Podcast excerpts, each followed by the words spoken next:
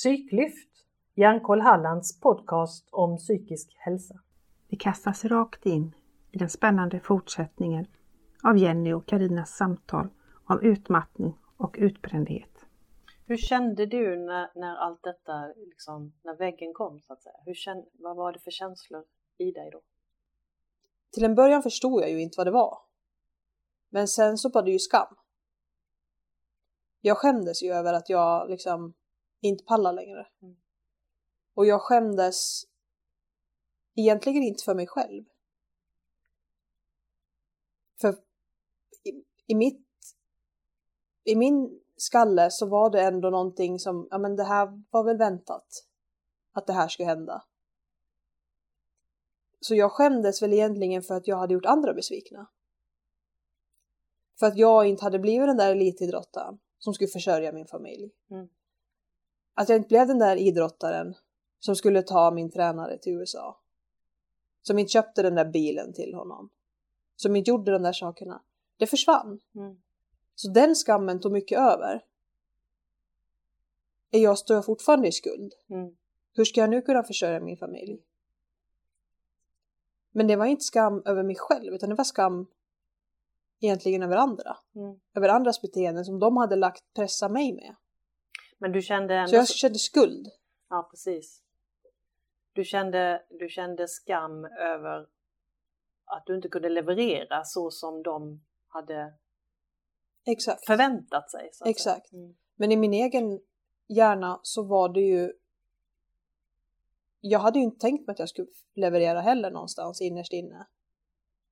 Utan det var ju deras krav. Mm. Mina mål var ju någon annanstans. Mm. Så jag levde ju inte efter mina mål. Utan jag levde efter deras mm. kravbild. Mm. Det där är, känner jag igen mig så otroligt väl i. Både det du säger att med skam. Jag skämdes ju något så fruktansvärt. Alltså jag tänkte vad ska min, vad ska min sambo säga när han kommer hem och ser att jag sitter här i soffan mitt på eftermiddagen? När, den dagen jag gick hem från jobbet. Eh, och sen vågade jag ju inte berätta för mina barn. Det tog, det tog sex veckor innan jag vågade säga till mina barn att jag var sjukskriven för utmattning.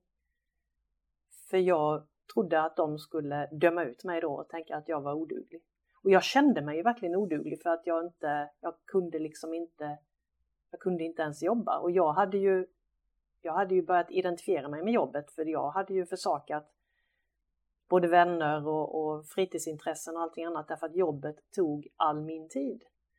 Eh, det passade väldigt bra att ha delad vårdnad om barnen för de veckorna jag inte hade barnen då kunde jag ju verkligen jobba och sova så lite som möjligt och jag kunde resa i jobbet och jag kunde passa på och lägga in en massa saker som, som jag kände att det här är viktigt, detta måste jag hinna med. Men jag levde ju verkligen någon annans dröm på något sätt. Jag, det förstod jag inte då, men i efterhand när jag tittar tillbaka så kan jag se att jag hade inte lyssnat inåt alls. Utan jag lyssnade på vad andra trodde att jag skulle kunna göra och så blev jag på något sätt jag vet inte om jag blev hedrad eller smickrad eller på något sätt lite uppmuntrad att eh, springa på deras mål och deras bollar istället för att fundera på, vill jag detta? Alltså har jag de här ambitionerna? Mina, mina handledare hade ju ambitionen att jag skulle bli professor och där kände jag väldigt starkt redan från början, nej vad ska jag bli professor för? Eh, men jag blev, alltså jag blev inte professor men jag blev ändå docent. Och då tänker jag liksom, men hur, alltså jag förstår inte, hur gick det till? Hur, hur kunde jag fortsätta så länge trots att jag någonstans innerst inne aldrig ens hade funderat över om det var detta jag ville. Sen är jag ju en analytisk person. Eh, jag trivs väldigt bra med forskningen men jag trivdes ju absolut inte med de förutsättningar som min forskning fick, det vill säga fritidsforskare. Eh, det var inte så jag ville ha det. Det var, det var verkligen, jag hade, det var inte de ambitionerna jag hade. Eh, och jag, jag tror att min prestationsprinsessa någonstans ligger under allt det här. Att jag, jag alltid har velat vara duktig. Jag har velat få bekräftelse och det har jag fått. När jag var liten fick jag det genom att vara duktig. Och det här har ju hängt med mig så att om någon eh, lägger ribban högt och säger till mig att jag ska hoppa så, så tränar jag tills jag kommer över och då höjer någon annan ribban och så får jag hoppa där också. Eh, och det har, eh, så har jag levt ända tills det inte gick längre. Och sen fick jag sitta och hämta andan i många, många år egentligen. Och det är nog precis som du säger, så var det för mig också. Uh, och det är nog anledningen till att jag inte riktigt är ur det mm. ännu. För att jag inte kommit till den insikten att det är jag som måste sätta ribban. För jag lever fortfarande i den världen att det duger inte, det jag gör. Jag kan inte vara stolt över det jag gör, det jag uppnår. Men för andra är inte stolta över det liksom. Jag får inte den uppfattningen om att de är positiva eller glada eller liksom men räcker det liksom inte nu utan det ska alltid mera. Känner du fortfarande att du gör saker för någon annans skull? I viss del absolut. Mm. Lite för mycket. Mm. Tyvärr. Mm. Och det är någonting som jag måste lära mig. Och jag hoppas innerligen att jag kommer dit. Snart. Den hjälpen behöver jag. Men den hjälpen har jag fortfarande inte fått. Mm. Men den finns där. Mm. Och det känner jag är någonting som är, är anmärkningsvärt. Eh, men kanske inte, inte alls konstigt på sätt och vis. Men det är ju svårt att få hjälp jag kände ju väldigt tydligt att jag behövde samtalsstöd, jag behövde samtalsterapi, jag behövde någon att prata med. Jag önskar att jag hade haft en, en grupp eh, med andra i samma situation. Så att jag inte behövde känna mig så ensam, utan att det fanns andra där som jag kunde dela mina erfarenheter med och få, få bekräftelse på att det är helt normalt, det är så det känns när man har gått i väggen eller när man är utmattad. Jag fick ju dessutom en depression eh, på det här. Eh, jag förlorade jobbet och, och därmed förlorade jag hela min identitet och, och jag, jag, jag har aldrig någonsin varit så långt under isen som jag hamnade då. Och jag har under, under en, en lång period, eh, många år tillbaka, så har jag under kortare sekvenser fått samtalsterapi men eftersom jag är så jädra duktig så ska jag ju reda ut allting själv har jag ju trott. Så jag har inte ens bett om hjälp många gånger. Eller när jag har fått 10-15 samtal så har jag själv valt att avsluta för jag tänker att nu är det säkert någon annan som behöver detta bättre. Nu är jag nog bra nog. Nu klarar jag mig själv. Och det gör jag ju inte. Mm. Känner så igen mig. Och detta nu den sista omgången så har jag alltså, då, då fick jag tag i en, en psykoterapeut som faktiskt sa att ska vi göra en deal du och jag och det är att vi, vi fortsätter de här samtalen eh, åtminstone ett och ett halvt år eller tills vi känner att vi är färdiga. Och jag bara tappar hakan. Va? Ska, ska jag gå här så länge? Men det var ju precis vad jag behövde för att hinna ta in var jag var någonstans, att hinna stanna upp och, och lyssna inåt. Och mm det är en jättelång process.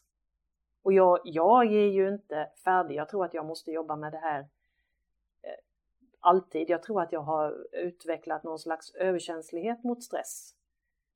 Men jag har ju kommit väldigt långt på vägen tillbaka mot ett, ett liv som jag önskar att jag hade haft redan från början. Mm. För så bra som jag mår nu det har jag nog aldrig gjort, skulle jag vilja säga. Och det är en häftig känsla och jag har, jag har gått igenom sorg och separationsångest för den karriären som jag la ner så mycket tid och kraft och energi som blev för mig helt värdelös. Det fanns ingen väg tillbaka. Jag kunde inte gå tillbaka och jag förlorade jobbet jag hade. Eh, och det var en enorm sorg. Men när jag har bearbetat den och kommit igenom den, börjat lyssna inåt och ta små steg vidare på en ny väg som är mycket mer utifrån mina önskemål och preferenser, då känns det igen som att ja, livet kan, vara, kan bli ganska, ganska bra i alla fall. Eh, jag kan glädjas åt saker för min egen skull. Jag kan lägga min egen, min egen ribba nu och hoppa precis så lite som jag vill.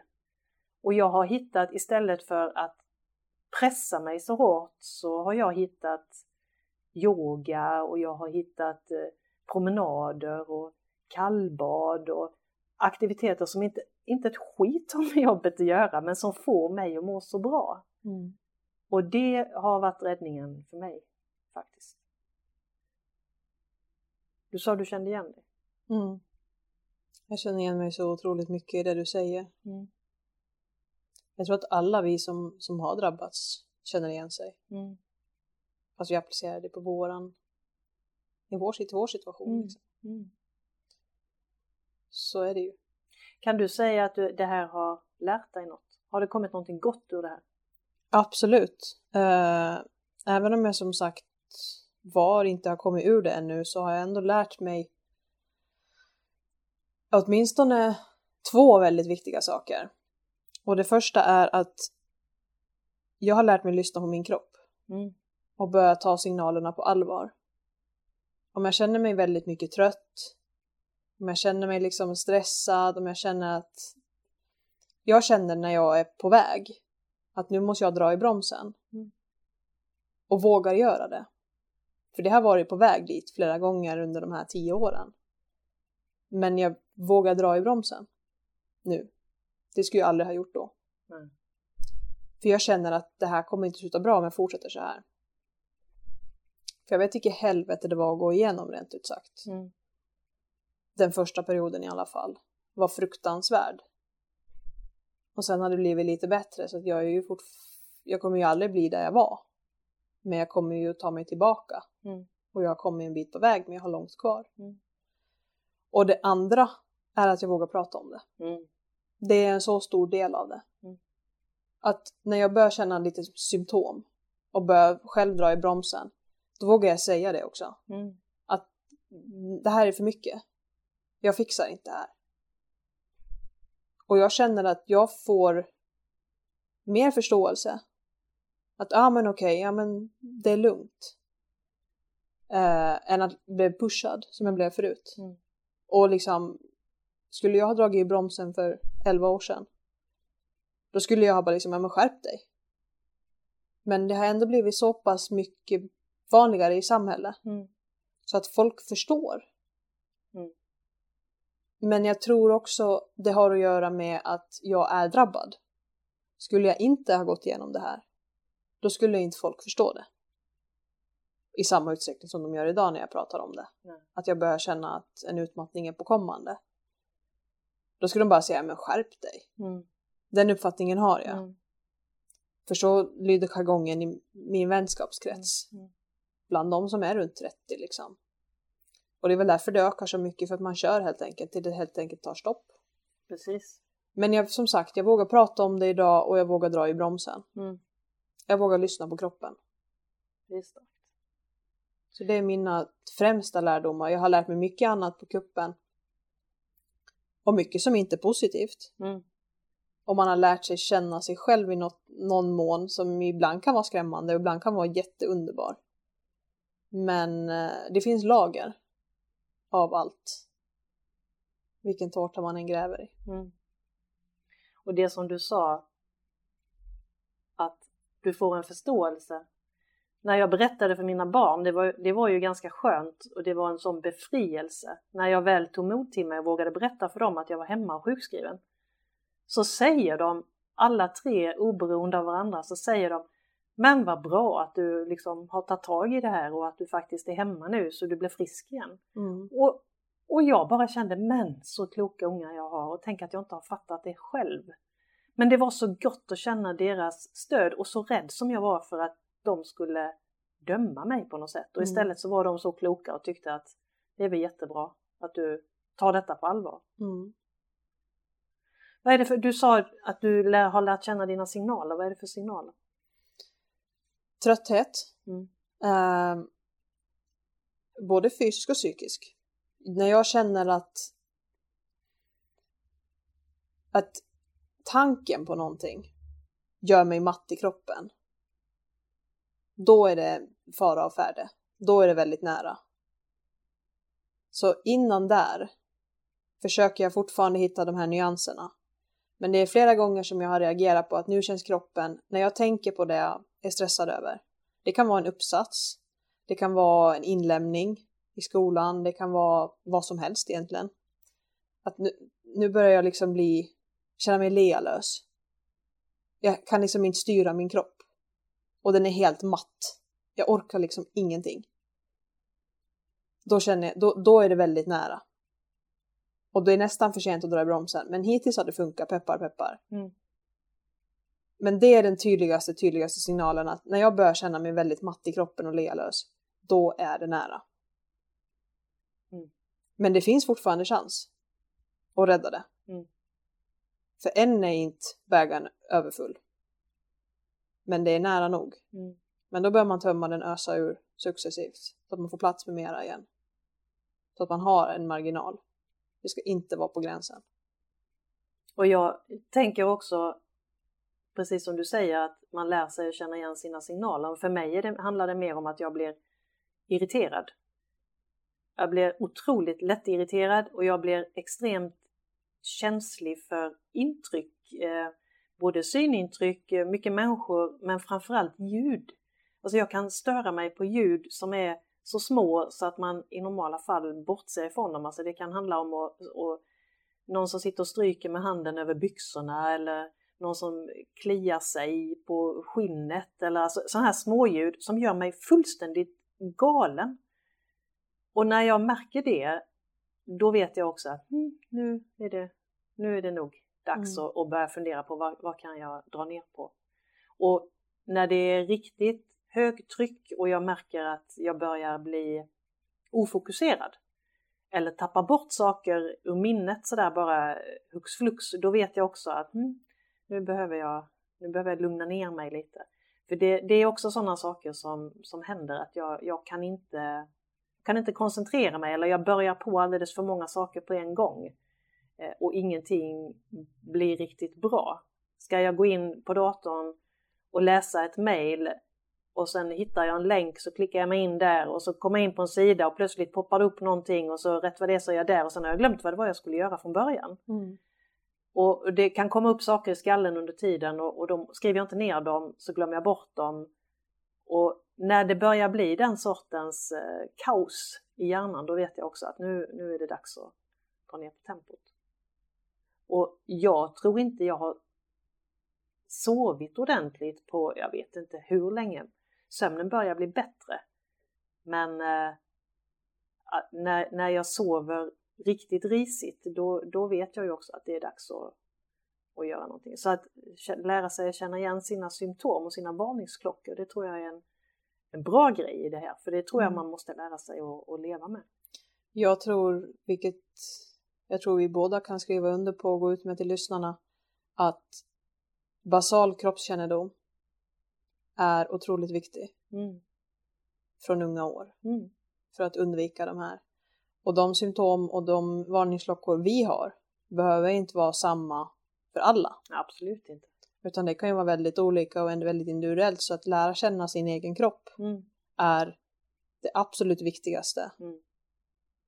För att kunna förebygga mm. att inte hamna i det här. För det tror jag vi båda också kan säga att det här är ingenting som man strävar efter. Nej, det är inget jag önskar min värsta ovän. Nej. Det, det är pest eller kolera och inget av det helst. Exakt. Mm. Det är fruktansvärt mm. att gå igenom. Mm. Men det finns en väg ut och jag, jag är den första att skriva under på att det här, när man sitter i det där becksvarta mörkret och känner bara att det här, jag skiter i alltihopa, alltså det vore bättre om jag inte fanns längre. Eh, då är det svårt att se att det går att göra någonting annat. Men för min del så hjälpte det att börja lyssna inåt. Att, att lyssna efter, om jag får välja själv, om, om jag får bestämma vad jag, och, och jobba med någonting eller göra någonting utifrån mina värderingar, vad skulle det vara då? Det hade ju gått så många år så att jag hade ju glömt bort mina egna värderingar. Eh, och det tror jag man måste ta sig tid och, och fundera över. Vad, vad är mina värderingar? Vad är viktigt för mig? Vad är det som ger mig energi?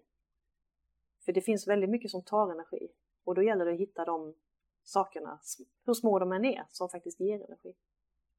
Absolut.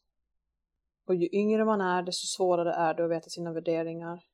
Och jag var ju i en formbar ålder. Jag hade just kommit ur tonåren när det här drabbade mig, så jag visste inte riktigt vem jag var och vad jag ville och då hade jag ändå varit aktiv i min idrott i nästan tio år också. Så att jag, det var ju, det var ju jag. Mm. Och sen blev jag liksom ett tomt blad. Så att försöka i så ung ålder som möjligt lära känna sina basala behov. Mm. Så har man alltid någonting att falla tillbaka på. Och som jag sa, studierna. Mm. Att du har någonting att falla tillbaka på. Ha en familj, ha vänner och ha studier. Mm. Och, och, har man inte det så tror jag att det är viktigt att, att vara snäll mot sig själv. Absolut. Åtminstone. Att, att man, eh, som i mitt fall då, inte vara så självkritisk utan unna sig, om man nu kan kalla det det, att få lov att känna det man känner. Tycker jag att, att det är skit, vill jag vara deppig en dag så kan jag vara det men, men jag ska inte fastna där. Jag behöver komma vidare, jag behöver komma ur det, jag behöver hitta det jag mår bra av. Mm. Vad det nu må vara för någonting. Och jag, jag tänker också det du nämnde att för att du själv har varit utmattad eller utbränd så, så lyssnar människor mer på dig när du säger att du får varningssignaler eller när, när du behöver dra i bromsen. Och det där vet man ju också att om man har varit utbränd eller utmattad tidigare eller haft symptom på det så är ju risken väldigt, väldigt mycket större att man drabbas igen. Mm. Så trots att både du och jag har lärt oss någonting, jag har ju, jag lärde mig väl förhoppningsvis någonting första gången, men jag tror också att det jag lärde mig delvis hjälpte mig att fortsätta alldeles för länge, för jag lärde mig inte det du beskriver att dra i bromsen i tid. Mm. Och det tror jag är, är, viktigt att man har med sig också, att man har en, en ökad sårbarhet om man har haft de här tendenserna redan Absolut. innan. Mm. Det är som ett fysiskt ärr på kroppen. Mm. Du, har, du får ett ärr, du får ett sår som blir ett ärr som du alltid bär med dig. Mm. Oavsett vad. Mm. Och det finns där. Och det kan gå upp när som helst. Precis. Har du inget ärr så vet du inte vad det är att ha ett ärr. Nej. Jag ser det mer som en allergi. Att om jag behandlar min allergi bra och väl så har jag inga symptom. Mm. Men om jag struntar i att behandla den och bara utsätter mig för det som jag inte tål, då blir jag sjuk mm. i alla fall. Mm. Det får nog vara de avslutande orden tror jag. Ja, vi slutar där. Ja. Tack, Tack ska du ha. Tack! Fortsättning följer. Missa inte nästa avsnitt!